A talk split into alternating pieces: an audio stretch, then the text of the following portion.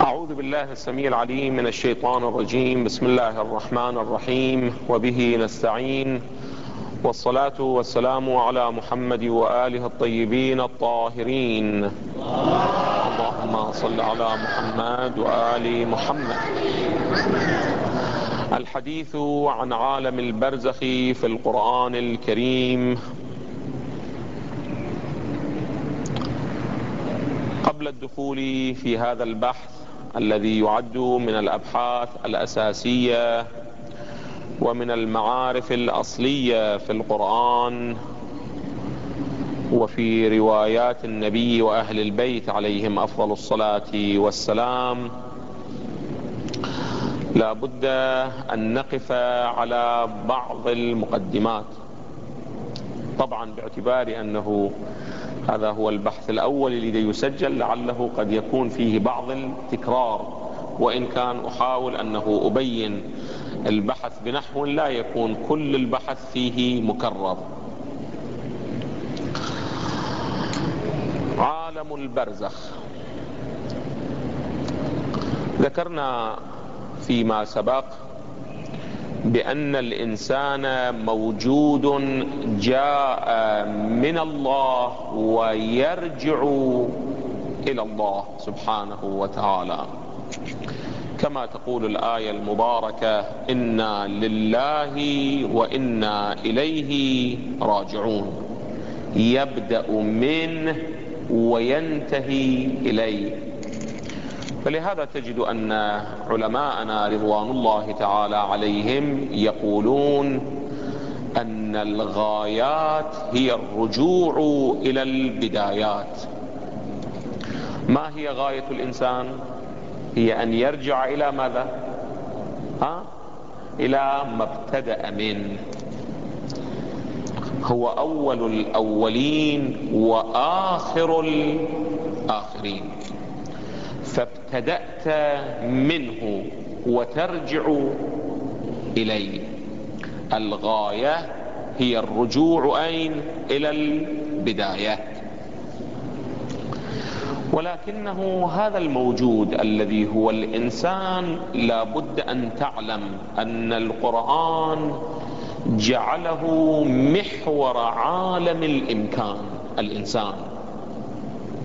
يعني ما خلق شيئا إلا لأجل هذا الإنسان. سخر له جميع ما في السماوات وما في الأرض. وسخرنا لكم ما في السماء وسخر لكم ما في السماوات والأرض جميعا من حتى الملائكة.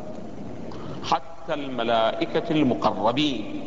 هؤلاء جميعا سخروا لأجل الإنسان بس أنتم عندما ترجعون إلى الملائكة المقربين تجدون واحد منهم من الملائكة المقربين جبرائيل عليه السلام.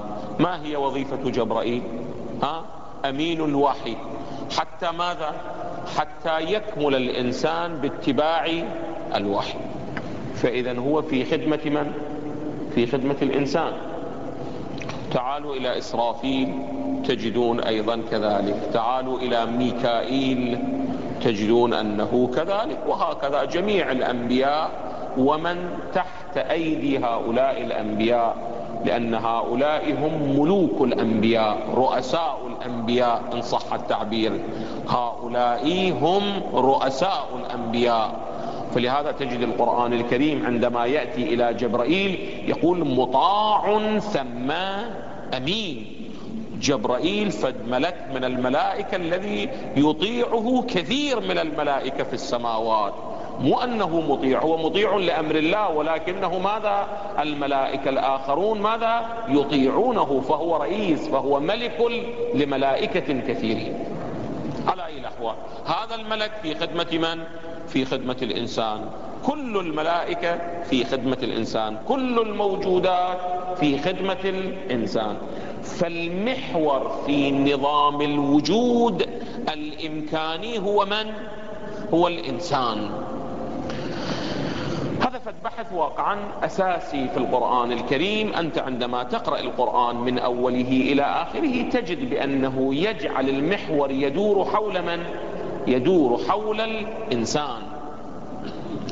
هذا الإنسان ليست له نشأة واحدة وهي التي نعيش فيها وهي نشأة ماذا؟ نشأة المادة. وإنما هذا الإنسان كانت له نشآت قبل أن يأتي إلى هذه النشأة وسوف تكون له نشآت بعد هذه النشأة. يعني لا تتصورون بأن الإنسان بدأ من هذا العالم وينتهي في هذا العالم. هذه نقطة أساسية في القرآن. الإنسان لم يبدأ من هذا العالم ولا ينتهي في هذا العالم بل بدأ من عوالم أخرى وهو ذاهب ماذا؟ إلى عوالم أخرى. وهذه نقطة أساسية في القرآن وهو أن الإنسان كثير منا يتصور أنه بدأ حياته من إيه ها؟ من هذه النشأة من الدنيا يعني من رحم الأم أو من أصلاب الرجال إلى أرحام الأمهات وبعد ذلك ماذا أخرجه الله في عالمنا هذا. القرآن يقول لا ليس الأمر كذلك. قبل أن يأتي الإنسان أي إنسان منها؟ قبل أن يأتي إلى هذا العالم كانت له نشآت مر بها إلى أن وصل إلى ماذا؟ إلى هذا العالم. وبعد ذلك أيضا توجد له عوالم سوف يذهب إليها. هسه بنحو الإجمال ما هي تلك النشآت التي مر فيها وما هي تلك النشآت التي سيصل إليها ويذهب إليها بنحو الإجمال علماؤنا يقولون بأنه بدأ الإنسان بعالم العقل ثم انتقل إلى عالم المثال ثم جاء إلى عالم ماذا؟ إلى عالم المادة. بعد هذه الألفاظ فالمقدار واضح عند الإخوة لما أوضحناه في البحث السابق ولكن إن شاء الله سأزيده توضيحا في الأبحاث اللاحقة. المهم أن الإنسان لم يخلق ابتداء في هذه النشأة وإنما خلق قبل هذه النشأة بنشآت وعوالم متعددة. ثم جاء ماذا؟ ثم جاء إلى هذه النشأة. وهذا الذي تجدون بأنه الروايات تؤكد على هذه الحقيقة أن الله سبحانه وتعالى أخذ عهد الربوبية على الإنسان قبل أن يأتي ماذا؟ إلى هذه النشأة. فلهذا تقرؤون أنتم في سورة الأعراف ألست بربكم؟ قالوا بلى. هذه الآية المباركة في سورة الأعراف. يقول القرآن بأنه أخذ من بني آدم ظهور, ظهور ذرياتهم. أخذ من ظهورهم هذا العهد أو من ذرياتهم هذا العهد. اللي ورد في الروايات بعنوان عالم الذر. بعنوان عالم الذر هذه النشأة لم تكن في عالمنا هذا وإنما كانت في عالم ماذا؟ قبل هذا العالم. الله سبحانه وتعالى أشهدهم على أنفسهم. ألست بربكم؟ قالوا ماذا؟ قالوا بلى. هذا لم يكن في عالمنا لا يتبادر إلى ذهنك. الله سبحانه وتعالى أخذ هذا العهد منا في هذا العالم لا في عوالم قبل هذا العالم. هذه العوالم هي ثلاث. العالم الأول يعبر عنه بالعالم العقلي العالم الثاني يعبر عنه بالعالم المثالي العالم الثالث يعبر عنه ماذا؟ بالعالم المادي. اللي إحنا الآن نعيش أين؟ في العالم المادي في الدنيا. ومن هنا سميت الدنيا ماذا؟ دنيا لأنها أدنى عوالم هذا العالم. إحنا عندنا عالم أعلى وهو العقل وعندنا عالم أوسط وهو المثال وعندما عالم أدنى وهو ماذا؟ ها؟ وهو الدنيا عالم الدنيا. هذه أحد تفاسير لماذا سمي عالمنا الذي نعيش فيه بعالم ماذا؟ ها؟ بعالم الدنيا. لماذا يسمى دنيا؟ سمي دنيا لأنه أدنى هذه العوالم التي نعيش الله سبحانه وتعالى خلقها. هسه هذا تفسير. تفسير آخر يقول لا إنما سميت الدنيا دنيا لأنها واقعا أحقر هذه العوالم. وبتعبير الإمام أمير المؤمنين من هوان هذا العالم على الله أن لا يعصى إلا فيها. وإلا العوالم الأخرى الملائكة لا يعصون الله ما أمرهم ويفعلون ما يؤمرون ومن هنا يتضح لك بأنه بعد الملائكة مو من عالمنا وإلا لو كانوا من عالمنا أيضا كان في عالمهم ماذا يوجد ها؟ أيضا كان توجد هناك معاصي وذنوب ونحو ذلك. ولكن القرآن يشير إلى هذه الحقيقة يقول لا لا يعصون الله ما أمرهم ويفعلون ما يؤمرون. فلهذا تجد القرآن الكريم بعد تكاليفا ما عنده إلى الملائكة. ما يقول وما خلقت الجن والإنس والملائكة إلا ليعبدون. يقول وما خلقت الجن والإنس إلا ليعبدون. لأن الجن والإنس دخلوا في عالم التكليف وهو نشأة الدنيا. أما الملائكة فليسوا مشمولين لعالم ماذا؟ لعالم التكاليف ولعالم الأمر والنهي ونحو ذلك هسه هذه القضية أين تفيدكم؟ فقط أنا أذكر فالجملة معترضة وأرجع إلى بحثي. هذه تفيدكم في أنه القرآن عندما يقول أن الله خلق آدم وجعله في الجنة أمره نهى بعد لابد أن لا يخطر إلى ذهنكم أن تلك الجنة كانت جنة الدنيا وإنما كانت من الجنان التي قبل هذا العالم. ما أدري واضحة الحقيقة هذه؟ بعد مو من الجنان التي في هذا العالم حتى يوجد فيها تكليف أمر نهي عصيان ذنب ونحو ذلك. وإنما آدم مر بهذه العوالم ومن تلك العوالم التي مر فيها عالم نسميه عالم المثال أو بعبارة أدق يسمى عندهم بعالم البرزخ النزولي. ليش؟ لأن الإنسان بعد هذا العالم أيضا سوف يصعد إلى من؟ إلى عالم البرزخ. وهذا البرزخ الثاني نسميه عالم البرزخ ال... ها؟ صعودي. هذه التعابير إنما أبينها للإخوة. حتى إذا قرأوا بعض الكتب العقائدية هذه الاصطلاحات تكون عندهم واضحة. إذا إحنا عالم البرزخ ما عندنا فد عالم برزخ واحد. هذا لعلهم من نعم أنه تكرار هذا البحث. إحنا نعمق هذا البحث شوي أكثر. أنه عالم البرزخ مو فد واحد. عالم البرزخ ماذا؟ اثنان. عالم البرزخ النزولي وعالم البرزخ ماذا؟ الصعودي. لأن هذا العالم الذي خلقه الله سبحانه وتعالى علماؤنا يشبهوه بالدائرة. بالدائرة يشبهون هذا العالم. يقولون هذا العالم بدأ من الله ويرجع إلى من؟ ها؟ إلى الله. ولكن بدل ما يمثلون هذا البدء من الله بخط مستقيم يبدأ بنقطة أولى ثانية ثالثة ثم يبدأ من هذه النقطة الثالثة بالرجوع إلى الله بخط مستقيم يمثلون عالم النزول والبداية من الله بنصف دائرة. وعالم الصعود إلى الله بنصف ماذا؟ ها؟ دائرة أخرى. فعالم الإمكان شلون يشبهون يا؟ بدائرة بس من حقك أن تسأل لماذا؟ طبعا هذا كثير الدوران في ألسنة علمائنا أنه إحنا عندنا قوس النزول يعني أول ما خلق الله. فلهذا تجد رسول الله ماذا يقول؟ يقول أول ما خلق الله نوري. ثم خلق منه كل خير. التفت جيدا. جابر يسأل رسول الله يا رسول يا, يا نبي الله يا رسول الله أول شيء خلق الله ما هو؟ قال يا جابر أول شيء خلق الله نور نبيكم ثم خلق منه كل خير.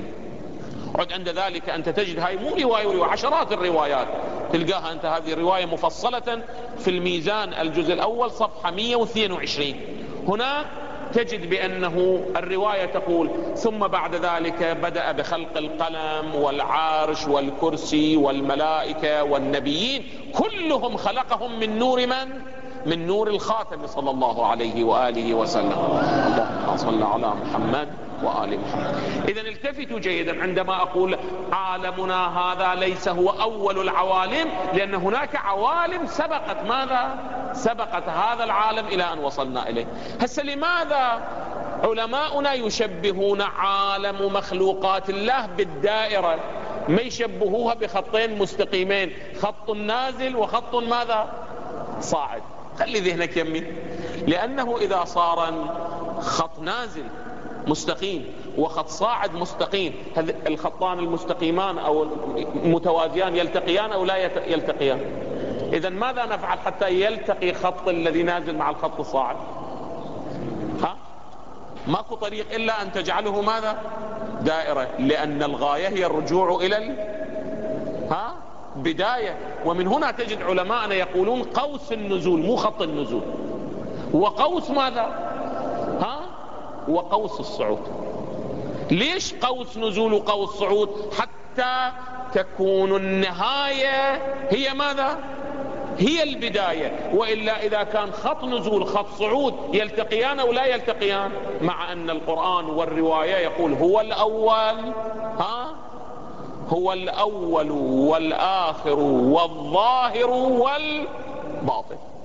فإذا كانوا خطين مستقيمين هو الأول ولكن هو الآخر يصير أو ما يكون هو الآخر؟ ما يكون هو الآخر.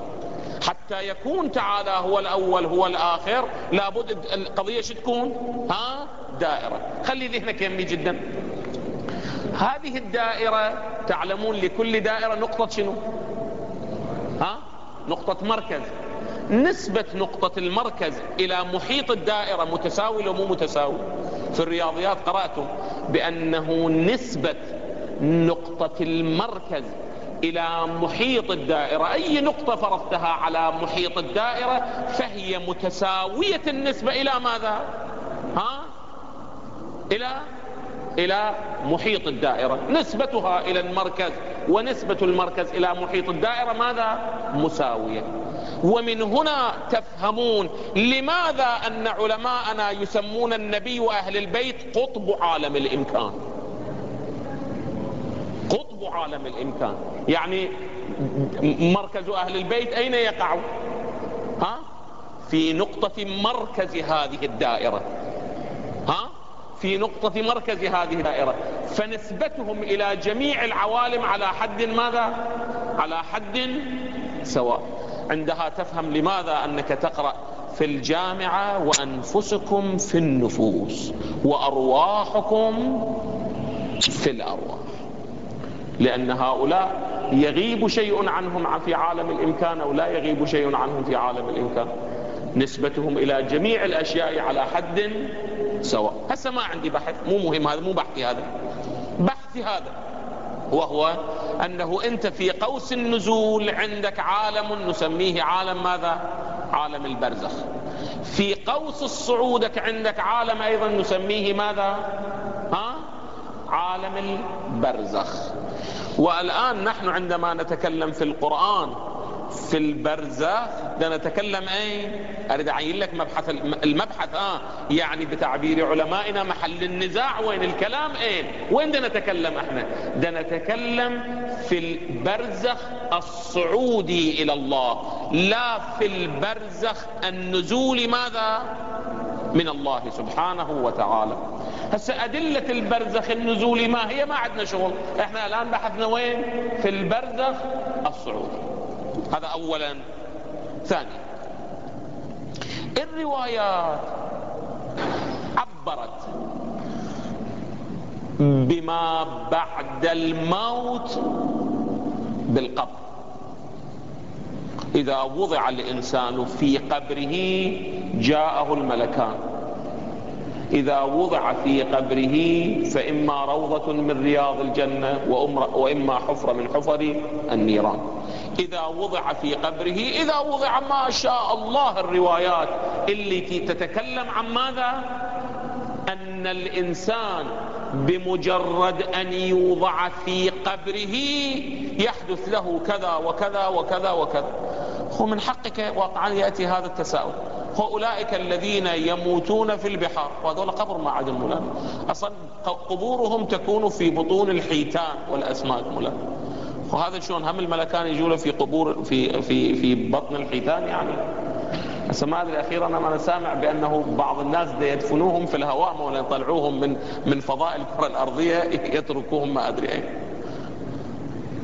هؤلاء الذين يحترقون هذول لهم قبر أو ليس لهم قبر؟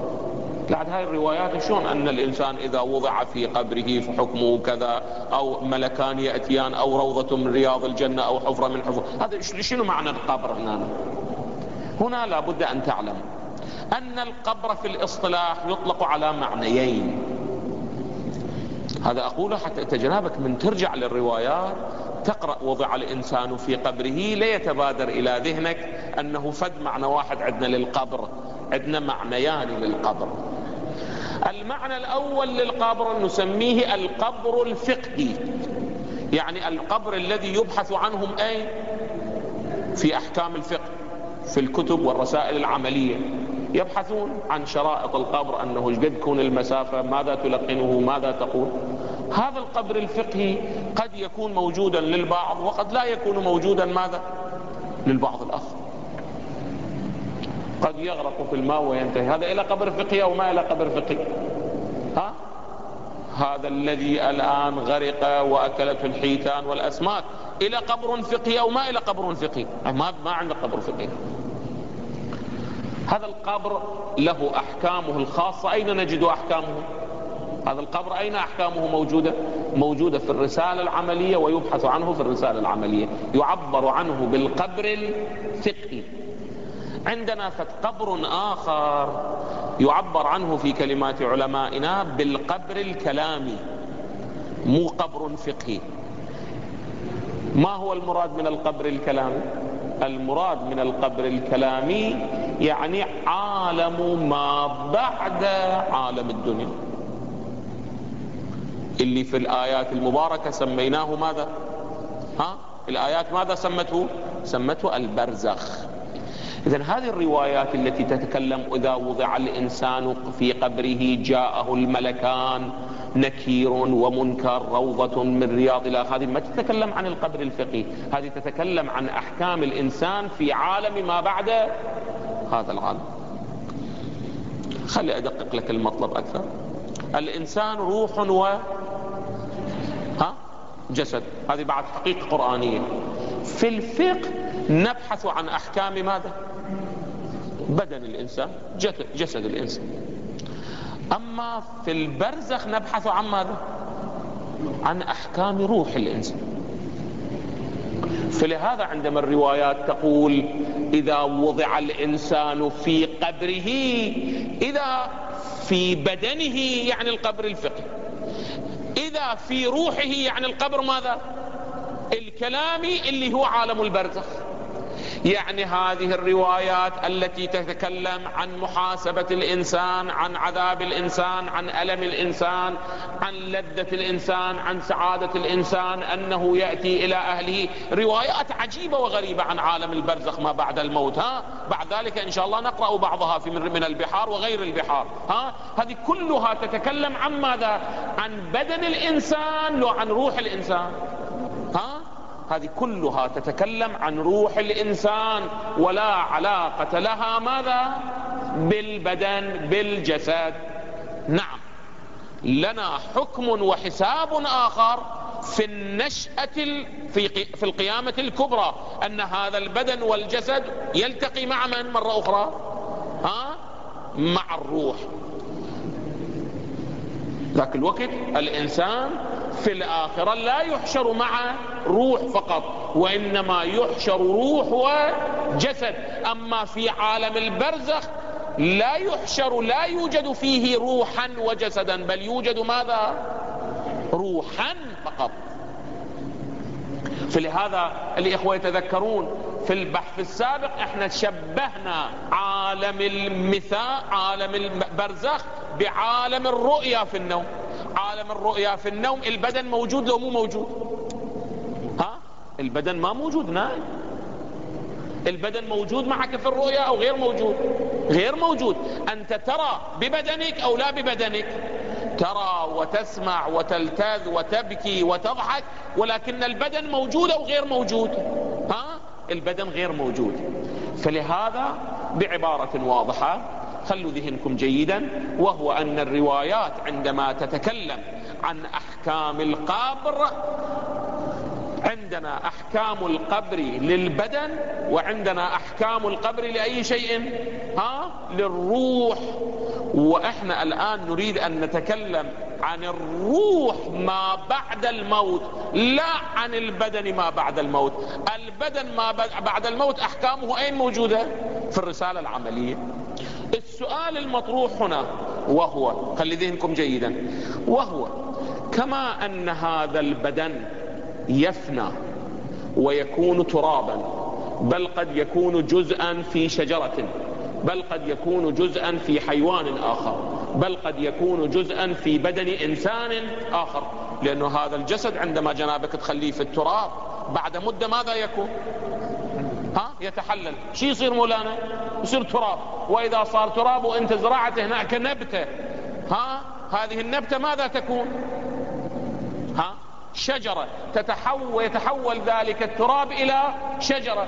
وإذا فرضنا أن تلك الشجرة أثمرت ثمرة التفاح أنت أكلت تلك التفاحة تلك التفاحة صارت نطفة ثم صارت شخصا آخر. ممكن أو غير ممكن هذا؟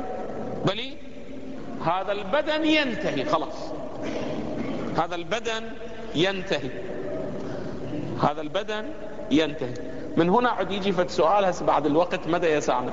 من هنا يجي في السؤال هذا البدن مال زيد اللي صار ترابا ثم صار جزءا لبدن شخص آخر يوم القيامة. شلون هذا البدن؟ نصه مال زيد ونصه مال عامر شلون نحلها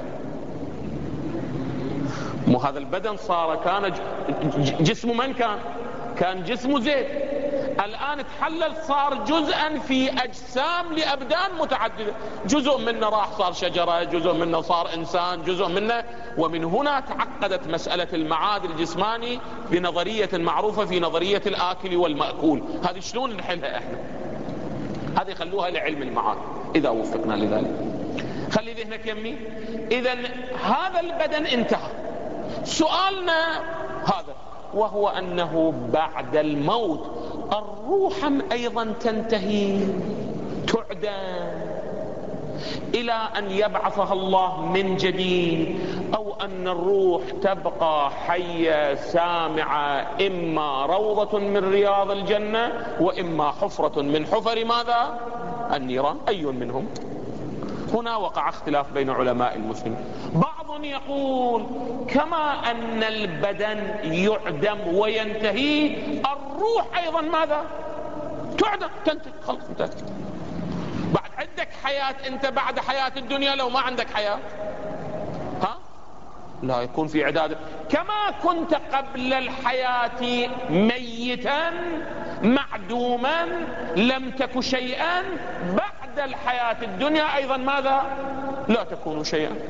إلى أن الله سبحانه وتعالى في نفخة الصور يبعثها ماذا؟ من جديد. هؤلاء يؤمنون بعالم البرزخ أو ينكرون عالم البرزخ بعد؟ هؤلاء ينكرون بعد يقولون عالم برزخ ماكو. هذه الدنيا ثم نموت لا يبقى منا شيء لا جسدا لا روحا إلى أن الله سبحانه وتعالى يرث الأرض ومن عليها ثم ماذا؟ يبحث يبعث الأجساد والأرواح من جديد. هاي نظرية. النظرية الثانية تقول لا الجسد يتلاشى ينتهي ولكنه يعيش الإنسان بروحه ولا يموت أبدا.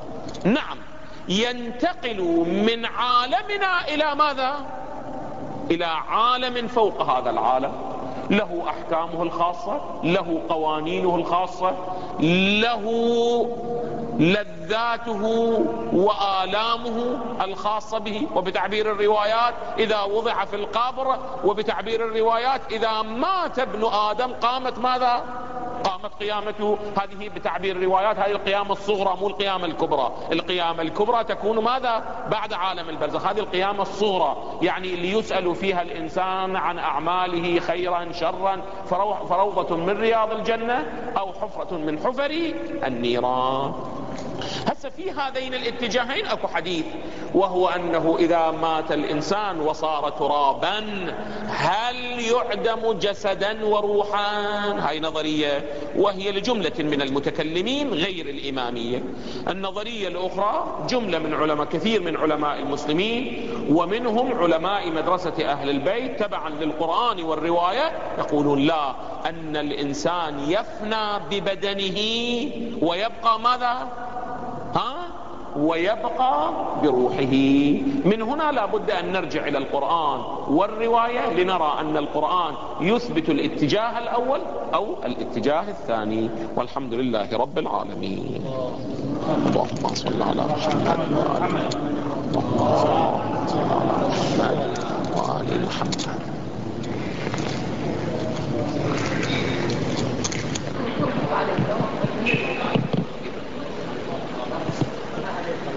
الشيطان الرجيم. بسم الله الرحمن الرحيم. وبه نستعين. والصلاة والسلام على محمد وآله الطيبين الطاهرين. اللهم صل على محمد وآل محمد.